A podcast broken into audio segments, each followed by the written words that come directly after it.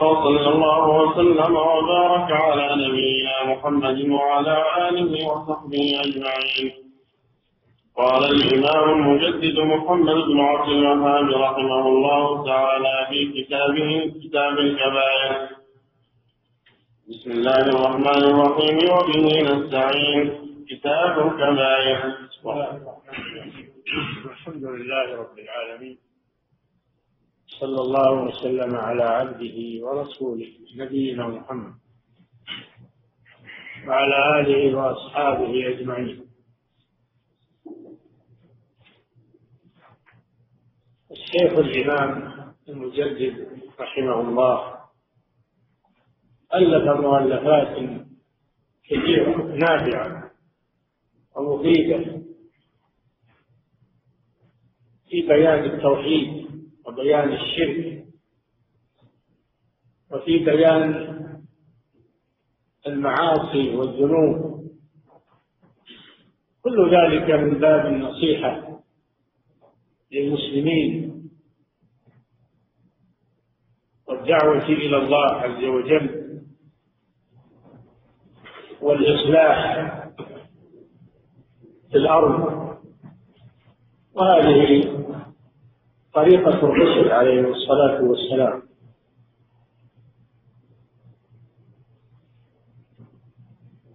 والإنسان ما دام على قيد الحياة فإنه سيعمل ويتحرك لا يبقى ولا يبقى ساكنا وجامدا ما يتحرك. لا بد أن يتحرك ولا بد أن يعمل. فإما أن يكون عمله بالخير وإما أن يكون عمله بالشر ولهذا بعث الله الرسل عليهم الصلاة والسلام دعوة الناس إلى الخير تحذيرهم من الشر. والله جل وعلا جعل دارين للجزاء. الجنة وهي دار المتقين العاملين بالطاعات.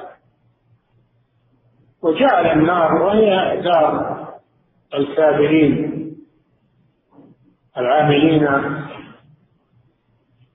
بالمعاصي والسيئات. وفرق بينهم سبحانه وتعالى. فقال حسب الذين اجترحوا السيئات أن نجعلهم كالذين آمنوا وعملوا الصالحات سواء محياهم ومماتهم ساء ما يحكمون. خلق الله السماوات والأرض بالحق ولتجزى كل نفس بما كسبت وهم لا يظلمون.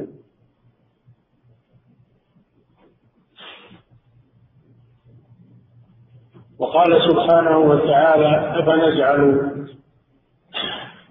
الذين آمنوا وعملوا الصالحات كالمفسدين في الأرض؟ أم نجعل المتقين كالفجار؟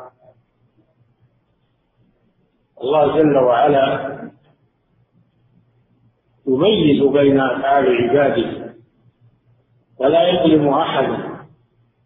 فالمحسن يضاعف له إحسانه ويزيده من فضله.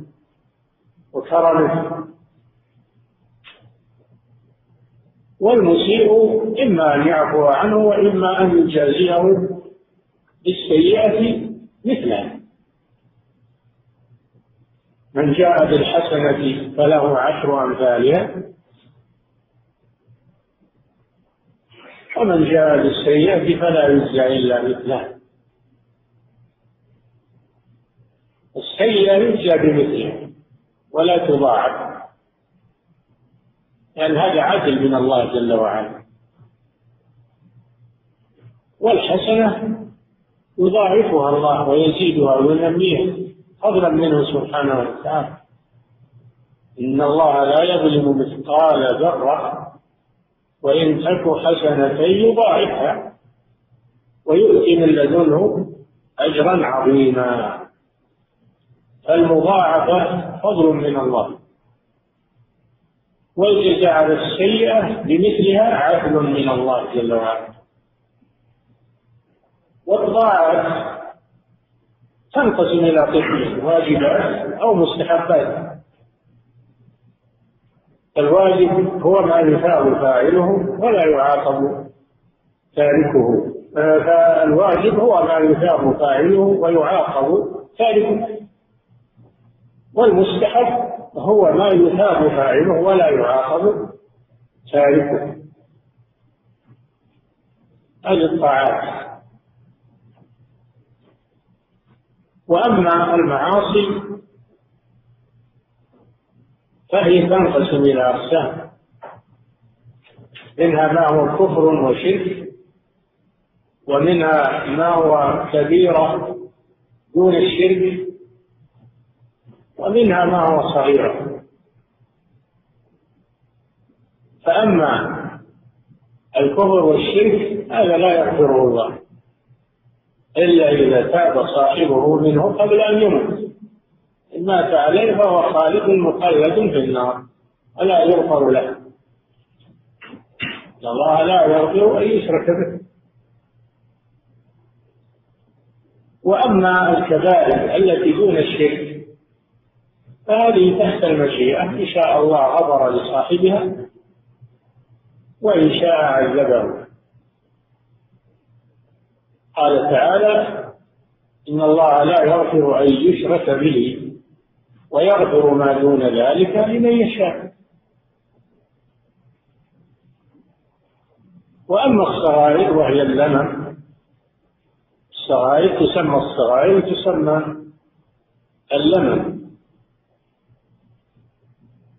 فهذه تكفر بالأشياء تكفر بال تكفر بأشياء. أولا الصلوات الخمس. كفر الله بها السيئات الصغائر. قال تعالى وأقم الصلاة طرفي النهار وزلفا من الليل إن الحسنات يذهبن السيئات.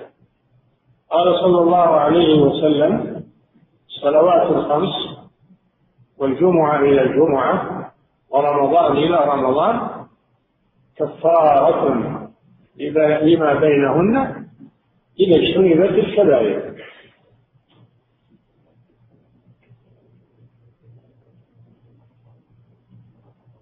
الله جل وعلا حث على التوبة والاستغفار. وهذا مما يمحو الله به. التوبة والاستغفار يمحو الله بها التوبة يمحو الله بها والاستغفار يمحو الله به. بل وإن كان كبيرا وإن كان كفرا وشركا من تاب. تاب الله عليه. من تاب وأصلح العمل فإن الله يتوب عليه. وباب التوبة مفتوح. الليل والنهار. ما لم يغرغر العبد تبلغ روحه الغرغرة فإن باب التوبة مفتوح أمامه. مفتوح. إلى أن تطلع الشمس من مغربها فحينئذ لا يقبل من أحد توبة. يوم يأتي بعض آيات ربك لا ينفع نفسا إيمانها. لم تكن آمنت من قبل أو كسبت في إيمانها خيرا.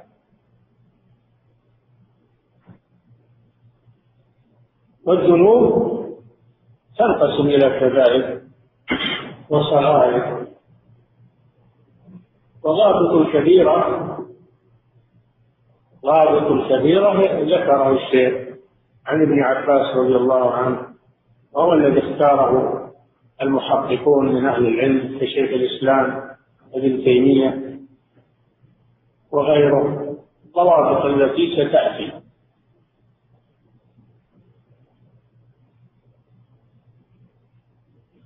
وقد ألف في الكبائر مؤلفات.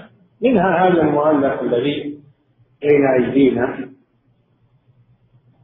ومنها كتاب الكبائر للذهبي ومنها كتاب الزواج عن افتراض الكبائر لابن حجر الهيثمي المكي الزواجر عن افتراض الكبائر. ألفوا فيها مؤلفات. بينوها من الكتاب والسنة.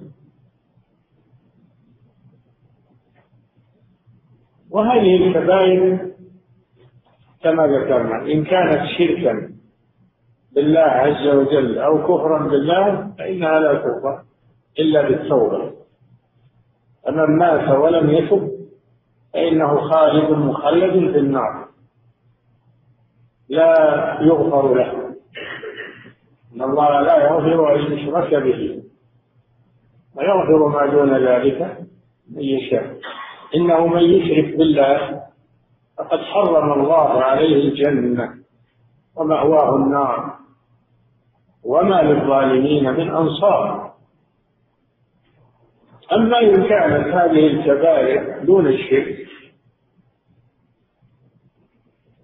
فعند أهل السنة والجماعة أنها تفسر ولا تكفر أن صاحبها يختم عليه بأنه فاسق وأنه ناقص الإيمان. لكن لا يكفر بها. بدليل أن الله قال إن الله لا يغفر أن يشرك به ويغفر ما دون ذلك لمن يشاء.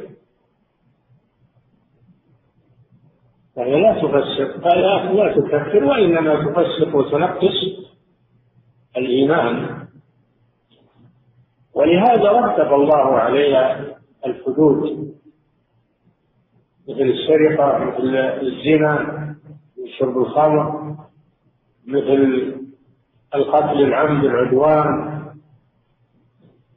مثل قطاع الطريق. كتب الله عليها حدودا. ولو كان مرتكبوها كفارا ما أقيم عليهم الحدود. لقتلوا مرتدين. إقامة الحد دليل على أنها ليست كفرا. وإنما هي كبائر ومعاصي تقام الحدود المرتبة عليها.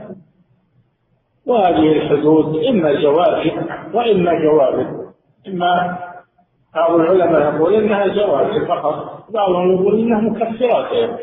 يقيم عليه الحد في الدنيا لا يقام عليه مرة ثانية في الآخرة. أما الخوارج الخوارج فهم يحكمون على مرتكب الكبيرة بالكفر والخلود في النار. ولا يفرقون بين كبيرة الشرك والكفر وبين كبيرة المعاصي. يقولون الكبائر كلها مكفرات والعياذ وأصحابها مخلدون بالنار أخذوا بآيات الوعيد وتركوا آيات المغفرة وآيات الوعد. أخذوا بجانب من الأدلة وتركوا جانب لعدم فقههم. لعدم فقههم ومعرفتهم بالكتاب والسنة واعتمادهم على فهمهم دون رجوع إلى أهل العلم. هذه نتيجة الانعزال عن أهل العلم. تورث مثل هذا. تورث هذا الضلال والمعتزلة يقولون إن مرتكب الكبيرة يخرج من الإيمان ولكنه لا يدخل في الكفر بل يكون في المنزلة بين المنزلتين. لا هو مؤمن ولا كافر. فإن مات ولم يتب فهو خالد مخلد في النار كما تقوله الخوارج. اجتمعوا مع الخوارج في جزائه في الآخرة. وخالفوهم في حكمه في الدنيا فابتدعوا المنزلة بين المنزلتين كما يقولون. والمرجئة على النقيض من الخوارج والمعتزلة. يقولون ما يضر مع الإيمان معصية. الإيمان بالقلب وهو التصديق. وهو لا يزيد ولا ينقص. والمعاصي لا تضر. ما دام إنه مؤمن بقلبه فإن المعاصي لا تضره. ولا تنقص إيمانه. هذا مذهب المرجع لأنهم لا يدخلون العمل في حقيقة الإيمان. ويقولون الإيمان هو الاعتقاد بالقلب. بعضهم يقول الاعتقاد بالقلب والنطق باللسان. بعضهم يقول الاعتقاد بالقلب فقط. وبعضهم يقول هو المعرفة حتى ولو لم يعتقد. كالجهمية يقول الإيمان هو المعرفة ولو لم يعتقد. هذا أشد أنواع الإرث وقسم يقولون الإيمان هو القول باللسان دون اعتقاد القلب. وهذا قول الحرامية فالمرجئة على اختلاف فرقهم الأربع. لا يدخلون الأعمال بالإيمان. ويقولون الإيمان هو التصديق بالقلب. والتصديق بالقلب. ولا يزيد ولا ينقص. فإيمان أبي بكر الصديق مثل إيمان أفسق الناس. لأنه ما دام أنه مؤمن بقلبه يكفي هذا. عنده. هذا مذهب المؤمن. هو تفريط الخوارج مذهبهم استفراغ وغلو. وهؤلاء مذهبهم تفريط وميوعة وكلا الطائفتين ضال مخالف للحق الصواب مذهب أهل السنة والجماعة المأخوذ من الكتاب والسنة. فالخوارج يقال لهم الوعيدية. الوعيدية لأنهم أخذوا بنصوص الوعيد. الخوارج والمعتزلة يقال لهم الوعيدية لأنهم أخذوا بنصوص الوعيد. والمرجئة أخذوا بنصوص الوعد وتركوا نصوص الوعيد. أهل السنة والجماعة جمع بين نصوص الوعيد ونصوص الوعد. وهذا هو الحق. المعاصي لا لا يقال انها لا تضر بل هي كما تقوله المرجئة بل هي تضر تنقص الإيمان تفسر. ولا يقال إنها تخرج من الملة كما تقوله الخوارج والمعتزلة. بل صاحبها مؤمن ناقص الإيمان. مؤمن بإيمانه. فلا يعطى الإيمان المطلق ولا يسلب منه مطلق الإيمان. لا يعطى الإيمان المطلق كما تقوله المرجئة. ولا يسلب منه مطلق الإيمان كما تقوله الخوارج والمعتزلة. وهذا أمر مهم جدا التفقه فيه ومعرفته خصوصا في هذا الزمان الذي التبس فيه الحق بالباطل وظهر المتعالمون الذين يتعالمون على الكتب وعلى فهمهم دون رجوع إلى أهل العلم اختلطت الأمور الآن. وظهر من يكفرون الناس وظهر من يتساهلون. وهم المرجئة على طرفي نقيض. فلا بد من معرفة الحق في هذا والتمسك به. لئلا ينحرف الإنسان فيكون مع المغالين أو ينحرف ويكون مع المفرطين المتساهلين. بل يكون معتدلا. يكون الإنسان معتدلا في هذا الأمر. نعم. فإنه مزلة أقدام وظلة أفهام لأنهم إذا حكموا على المسلمين بالكفر استحلوا دماءهم وأموالهم شقوا عصا الطاعة وحصل ما يحصل كما حصل من الخوارج من قبل. وإذا قالوا بقول المرجئة تسلط أهل الشر والكفر والنفاق قالوا إحنا مصدقين من هو ما يهمنا إننا يرتكبون الفواحش والفسوق والعصيان ويقولون ما علينا إحنا مؤمنون. كلا المذهبين خطأ خطأ شديد على هذا الدين. نعم. قال رحمه الله تعالى وقول الله تعالى إن تجتنبوا كبائر ما تنهون عنه نكفر عنكم سيئاتكم. الآية إن تجتنبوا كبائر ما تنهون عنه. هذا دليل على أن الذنوب تنقسم إلى كبائر وصغائر.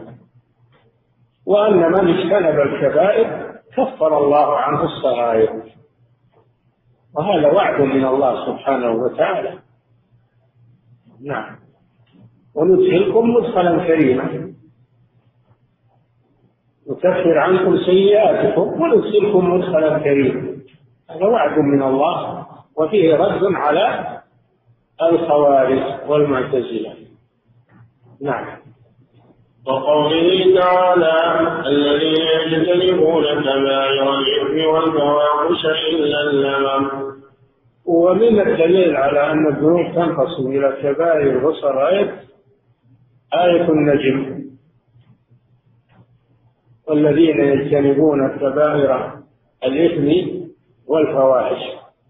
كبائر الإثم المعاصي والفواحش جمع فاحشة وهي ما تناهى قبحه ما تناهى قبحه وشناعته. الذين الذين يجتنبون كبائر الإثم والفواحش إلا اللمم وهي الصغائر. ثم قال إن ربك واسع المغفرة. فالصغائر تكفر بمكفرات كثيرة. منها اجتناب الكبائر كما في هذه الآية ومنها الصلوات الخمس ومنها المصائب التي تنزل بالإنسان مكفرات مصائب من الأمراض والأسقام والهموم والأحزان. وموت الأقارب كل هذا مما يكفر الله به حتى الشوكة يشاكها المسلم يكفر الله بها عنه من هذه الذنوب الصغائر. وهذا من فضل الله سبحانه وتعالى. إلا اللمم إن ربك واسع المغفرة. والآية الثالثة في سورة الشورى والذين يجتنبون كبائر الإثم والفواحش وإذا ما غضبوا هم يغفرون نعم. روى ابن جرير عن ابن عباس رضي الله عنهما قال الكبائر كل ذنب ختمه الله بنار أو لعنة أو غضب أو عذاب نعم. الكبائر المعاصي هي ما نهى الله عنه. ما نهى الله عنها لمعصية ومحرم. لكن إن رتب عليه وعيد في الدنيا آه، وعيد في الآخرة إن رتب عليه وعيد في الآخرة أو حد في الدنيا فإنه كبير. وإن لم يرتب عليه عقوبة ولا وعيد فإنه معصية صغيرة. من اللمن نعم. قال ابن عباس ابن جرير عن ابن عباس رضي الله عنهما قال الكبائر كل ذنب ختمه الله بنار أو لعنة أو غضب أو عذاب. ختمه الله يعني توعد الله عليه بالنار أو توعد أو لعن من فعله أو لعنه الرسول صلى الله عليه وسلم. هذا كبير. إذا لعن الله على شيء أو الرسول فهو كبير. أو غضب غضب الله عليه جاء وعيده بالغضب توعده الله بالغضب هذا كبير. أو حد في الدنيا مثل القصاص مثل آه، قطع يد السارق مثل رجم الزاني أو جلد الزاني مثل رجم القاذف مثل قطع يد السارق. نعم. هذه كبائر التي عليها حدود في الدنيا أو وعيد في الآخرة أو غضب أو لعنة أو نار هذه هي الكبائر. وما نهى الله عنه ولم يرتب عليه شيئا من ذلك فهو من الصغائر. نعم. وله عنه قال إلى سبعمائة أقرب منها إلى السبع. عن ابن عباس أن الكبائر كثيرة.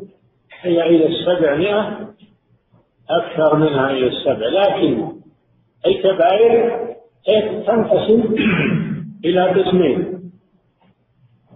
الكبائر ليست على حد سواء. منها كبائر عظيمة ومنها كبائر دون ذلك.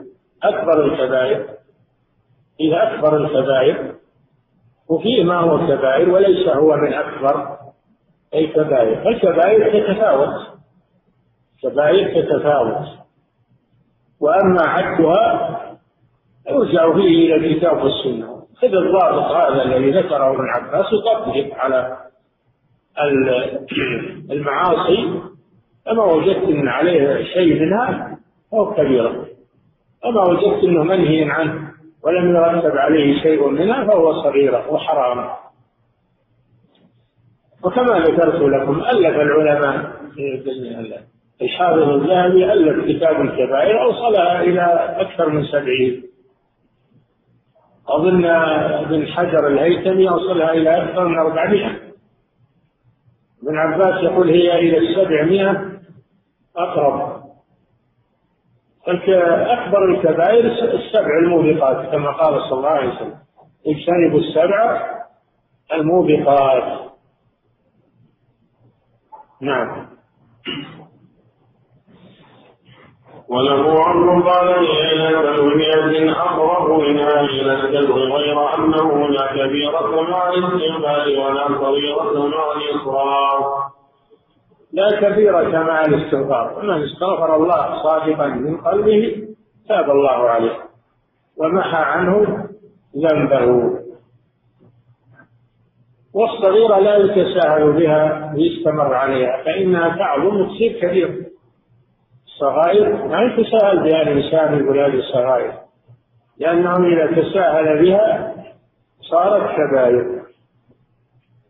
وقد تجره إلى الكبائر. ويحذر الإنسان من المعاصي. كبائر الصغائر. الله جل وعلا يقول ولكن الله حبب إليكم الإيمان وزينه في قلوبكم وكره إليكم الكفر والفسوق والعصيان. قالوا الكفر هذا معروف. أكبر الكبائر. والفسوق هو الكبائر التي دون الكفر والعصيان هي الصغائر نعم. ولعبد الرزاق عنه إلى سبعين أقرب منها إلى السبع. أي نعم. ما حصرت بعدد. ما حصرت بعدد.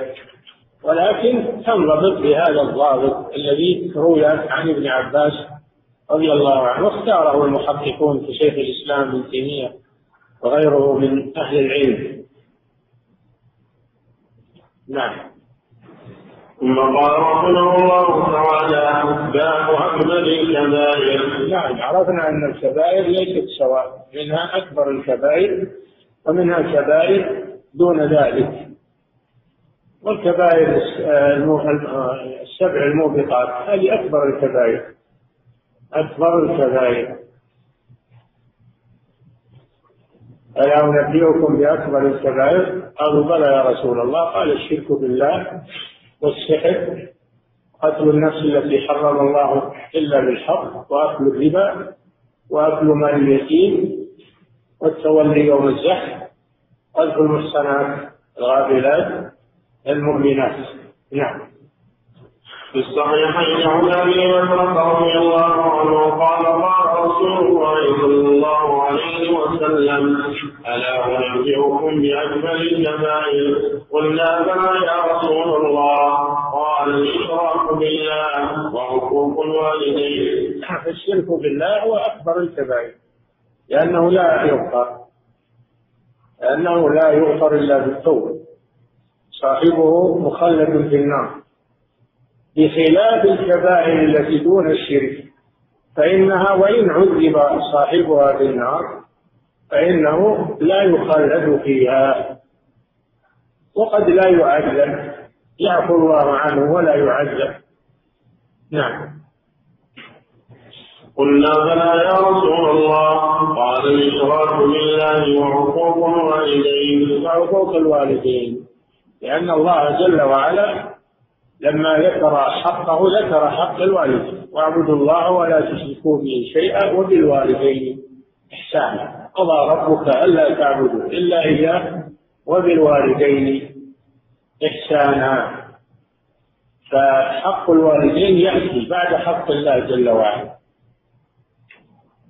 عقوق الوالدين من أكبر الكبائر هذا الشرك. هو الذي يلي الشرك والعياذ بالله. حقوق الوالدين يلي الشرك في المنزل. كما أن حق الوالدين يلي التوحيد يلي التوحيد. واعبدوا الله ولا تشركوا به شيئا وبالوالدين إحسانا نعم. وكان فجلس فقال الا وقول الزور وشهادة الزور فما زال يكررها حتى قلنا ليته سكت. الزور هو الكذب الزور هو الكذب سمي زورا لأن صاحبه يزينه ويزوره يزوره ويحسنه حتى يقبل الكذب الكذب يزور ويحسن ويزين حتى يظنه الناس إنه صدق وإنه حق. فالزور أعظم الزور الشرك بالله ودعاء غير الله عز وجل هذا من أعظم الزور شهادة الزور شهادة الزور التي يشهد بها عند القاضي يشهد بها عند القاضي لأجل أن يحكم للخصم بها. فهذه شهادة الزور هذه من أكبر الكبائر. يساهل الناس الآن بالشهادة ويفزعون بفزع يفزعون بالشهادة فزع ومعاون يتعاونون. وهي من أكبر الكبائر بعد الشرك. من أكبر الكبائر بعد الشرك. وأن تضر صاحبك لتشهد له ما أنت تنفعه تضره لأنك دخلت عليه ما لا يستحق. وأخذت الحق من صاحبه. وتهاونت بحق الله سبحانه وتعالى. شهادة الزور خطيرة جدا. ولكن أصبحت عند كثير من الناس أنها من الأمور السهلة التي يفزع بها لصديقه وقريبه وصاحبه. نعم. وربما يكون بعضهم هذا نفع له وإعانة له. نعم. ومنها التزكيات التزكيات الباطلة يزكون الشخص وهو غير أهل للتزكية. هذا من شهادة الزور. هذا من شهادة الزور. إذا حكمت أن هذا الشخص أنه طيب وأنه صدوق وأنه وأنه وأنه صاحب دين هو ليس كذلك. هذا من شهادة الزور. نعم. باب كبائر القلب. عن أبي هريرة. إلى قسمين كبائر على الجوارح كالزنا والسرقة وقتل الناس وكبائر في القلوب كبائر من أعمال القلوب. مثل الكبر والحسد من الكبائر. لكنها ليست أعمالا وإنما يعني على الجوارح وإنما هي من أعمال القلوب الكبر والاختيار والعجب وازدراء الناس واحتقار الناس. وبغض الحق يبغض الحق ويبغض المعروف ويحب المنكر. هذا من من من أعمال القلوب وهو كبائر والعياذ بالله. نعم. عن أبي هريرة رضي الله عنه قال قال رسول الله صلى الله عليه وسلم إن الله لا ينظر إلى اصواتكم ولا إلى أموالكم ولكن ينظر إلى قلوبكم وأعمالكم. رواه مسلم. الله جل وعلا لا ينظر نظر اعتبار وجزاء لا ينظر إلى إلى إلى الأجسام.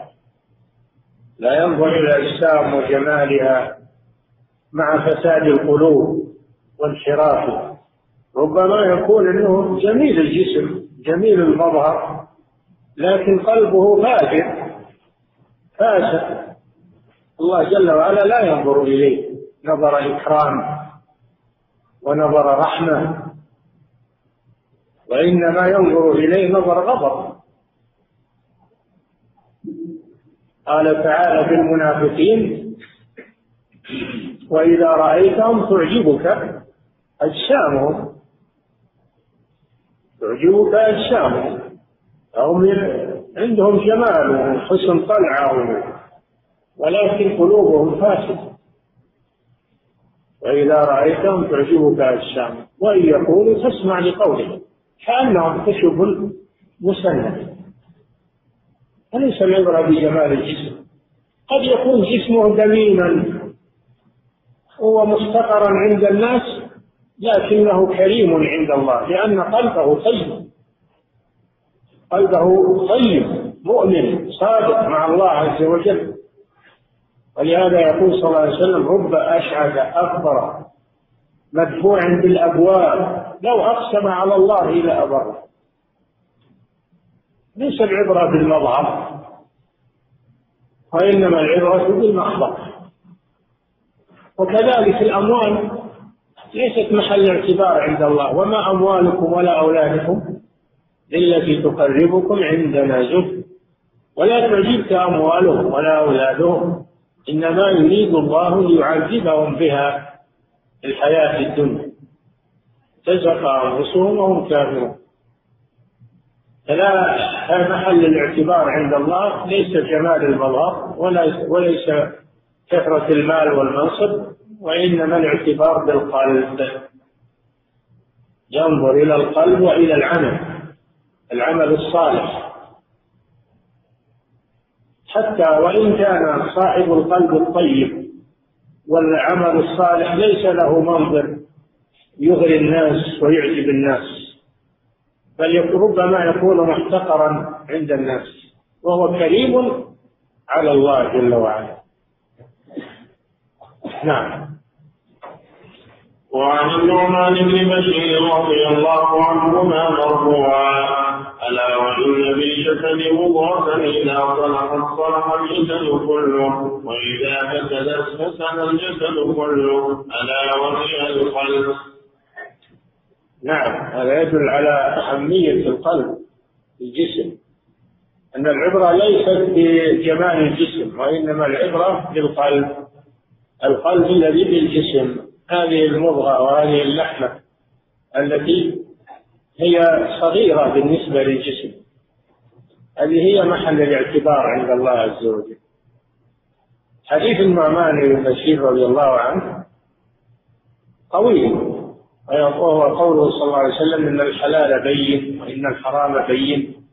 بينهما أمور مشتبهات. لا يعلمهن كثير من الناس.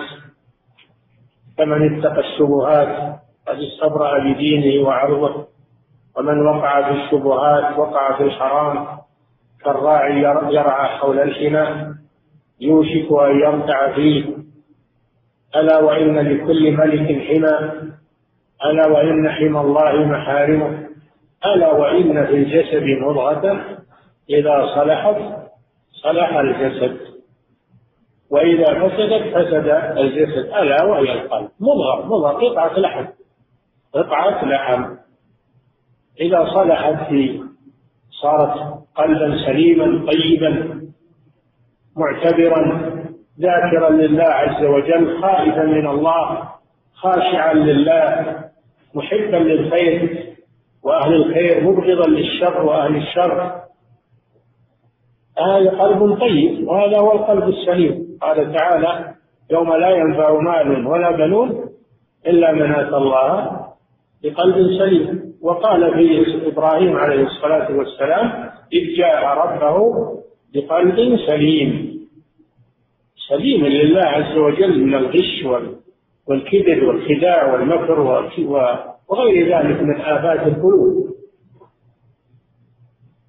فإذا صلحت الأعمال الجوارح إذا صلحت أعمال الجوارح فهذا دليل على صلاح القلب.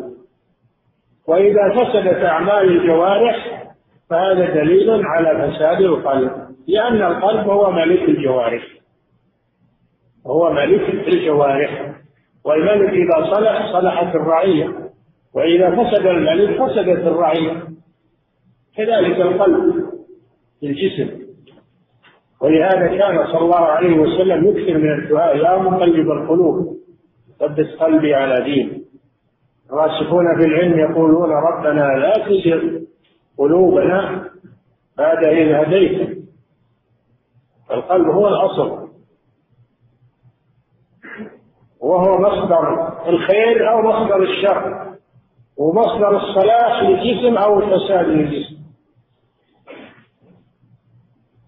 بعض المغالطين أو المغرورين إذا قيل له لماذا تحلق لحيتك؟ لماذا لماذا لا تصلي؟ قال الإيمان في القلب الإيمان في القلب ربما يستدل بقوله صلى الله عليه وسلم التقوى ها هنا. وأشار إلى صدره صلى الله عليه وسلم. نعم.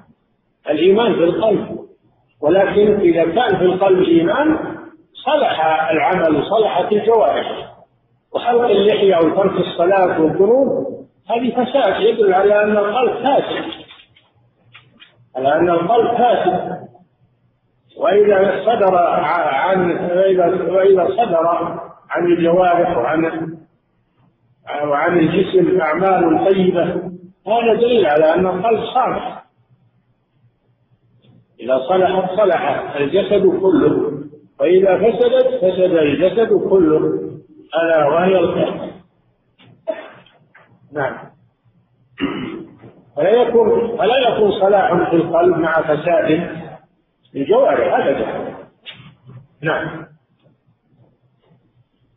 باب ذكر الكبر اي نعم هذا من آفات هذا من آفات القلب ومن أعمال القلب. الكذب هو الترفع على الناس وعدم قبول الحق. إذا استكبر عن الحق الله جل وعلا يقول إنه, إنه لا يحب المستكبرين. لا يحب المستكبرين.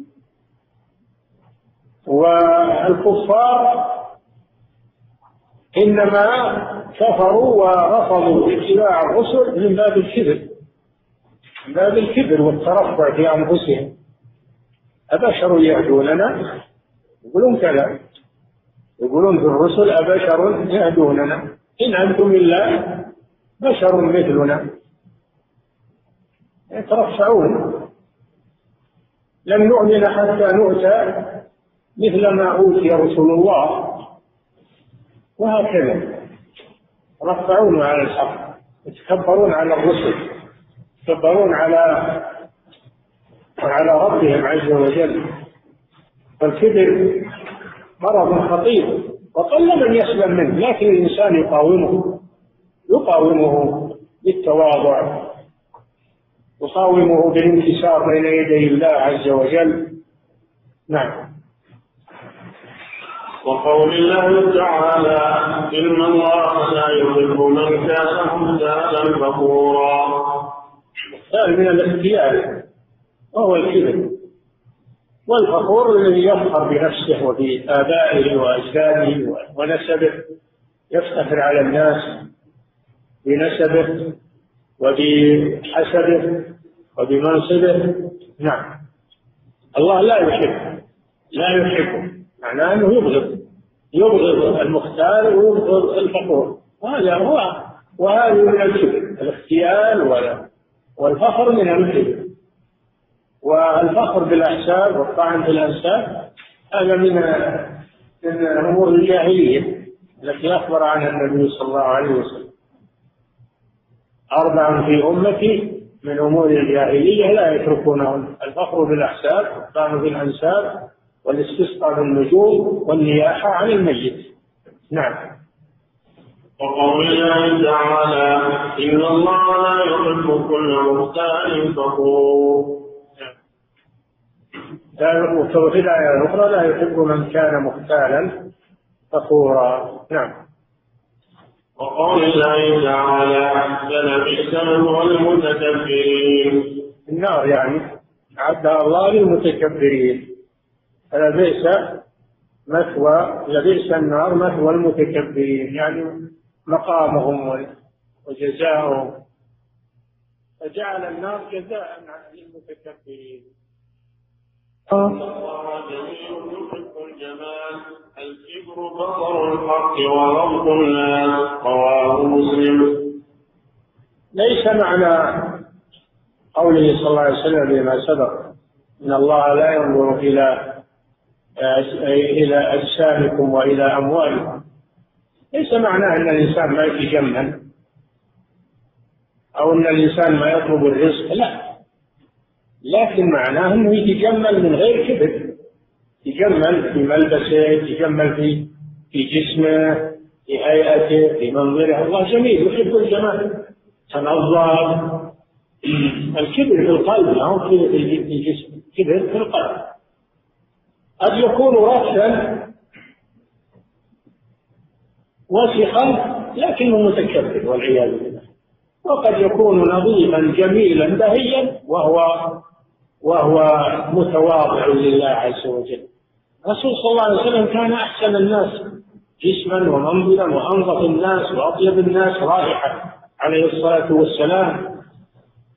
ليس معنى ليس معنى اللي جسمه جميل أو ملابسه جميلة. إن كل من كان جميلا متجملا أنه مستكبر لا. هذا يرجع إلى القلب. وليس كل دميم ومتنازل يكون متواضعا لله. العائل مستكبر كما يأتي. العائل يعني فقير المستكبر هذا من اضرب الناس عند الله عز وجل. عائل يعني فقير مستكبر. نعم. وإن الرجل لا يتكبر وعليه العباءه عباءه رشة وهو متكبر. فليس العبرة بالمظاهر العبرة بالقلوب بالقلوب. نعم. وإلا المظاهر مطلوب منا حسن المظهر. نعم.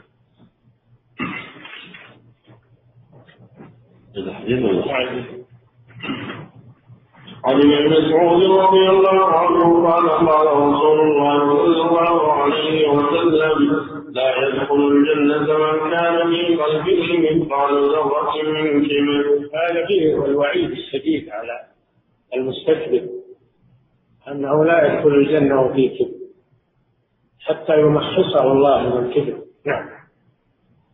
فقال رجل يا رسول الله إن الرجل يحب أن يكون ثوبه حسنا ونعله حسنا قال إن الله جميل يحب الجمال.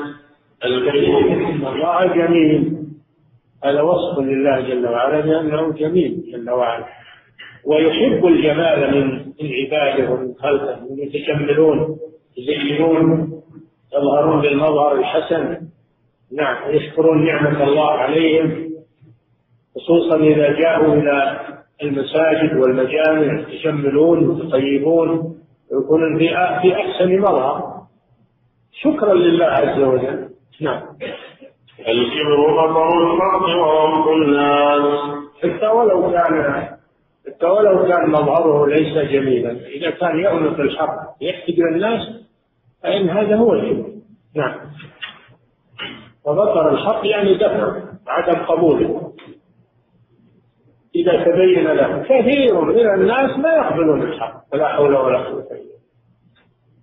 تقول لهم قال الله قال رسوله ولكن ما يقبلون. يتبعون أهواءهم شهواتهم أو يتبعون من يقلدونهم من رؤسائهم وزعمائهم وقادتهم فلا يقبلون. قال الله قال رسول يمكن يتبركون بالأحاديث وبالقرآن باب التبرك أما العمل لا. يعملون على ما يخطط لهم من رؤسائهم ومن قادتهم وحتى بعض طلبة العلم لو تقول أنت نخطي وراء الدليل هذا ما يقبل هذا كبر. هذا كبر. الواجب ان إن المسلم يتبين له الحق أخذ به. أخذ به. وبادر إلى الأخذ به لئلا يصاب. إذا لم إذا تبين له الحق ولم يقبله يصاب بالزيغ والعياذ بالله. فلما زاغوا أزاغ الله قلوبهم. ونقلب أفئدتهم وأبصارهم كما لم يؤمنوا به أول مرة. تبين لهم الحق صدق الرسول صلى الله عليه وسلم فلم يقبلوا ختم الله على قلوبهم. فصارت ما تقبل الحق. عقوبة لهم نعم. وروى البخاري حارثة بن رضي الله عنه أن رسول الله صلى الله عليه وسلم قال ألا أخبركم بأهل النار كل عسل جواب من قال ألا أخبركم بأهل النار كل عسل جواب مستكبر والعسل الجاهل والجواب قيل المختار الصخر وقيل الفقير الفقير وبطر الحق رده إذا أتى وعرف الناس استقاؤهم وازدراؤهم إذا هذا تفسير الكبر بطر الحق وغمس الناس. هذا هو تفسير الكبر تفسير من الرسول صلى الله عليه وسلم. الذي لا يقبل الحق هذا مستكبر والذي يحتقر الناس هذا مستكبر نعم. ولأحمد وضمه بن حبان من حديث أبي سعيد رضي الله عنه رفعه من تواضع لله درجة رفعه الله بها درجة حتى يجعله في أعلى عليين ومن تكبر على الله درجة وضعه الله بها درجة حتى يجعله في أسفل سابلين. نعم الجنة هي عزيون وهي للمتواضعين المؤمنين الصادقين والنار سجين في أسفل السائلين هذه للكفار والمنافقين والمستكبرين. فبئس مثوى المستكبرين. لأنهم تكبروا فوضعهم الله عز وجل. وأولئك تواضعوا فرفعهم الله عز وجل إلى أعلى عليين. نعم. وللطبراني عن ابن عمر رضي الله عنهما رفعا إياكم والكبر فإن الكبر يكون بالرجل وإن عليه العباءة وهو صفات. إهرام للمظهر يكون الإنسان ما عليه جمال ولا ثياب جميلة وهو مستكبر فقير يكون عليه العباءة المرقعة وهو مستكبر قد يكون عليه الثياب الجميلة والمظهر الحسن وهو تقي عابد لله عز وجل. وفي الحديث الآخر العاهل المستكبر ثلاثة لا يكلمهم الله يوم القيامة ولا ينظر إليهم ولا يزكيهم ولهم عذاب أليم. وشيء وزاهد. وعائل مستكبر ورجل جعل الله بضاعته لا يشتري إلا بيمينه ولا يبيع إلا بيمينه. وشاهد وسائل يعني الشايب الشايب شايب كبير السن يزني لو كان شاب ربما يقال غلبت عليه الشهوة. غلبت عليه الشهوة قهرة الشباب. لكن هذا شايب ويزني هذا دليل على أنه يحب الزنا. هذا دليل على أنه يحب الزنا. ما زنى من أجل قوة الشهوة فيه وإنما لأنه يحب المعاصي والسيئات يحب الدناءة يشيء ذلك سخره تحقيرا له. وعائل مستكبر والعائل هو الفقير.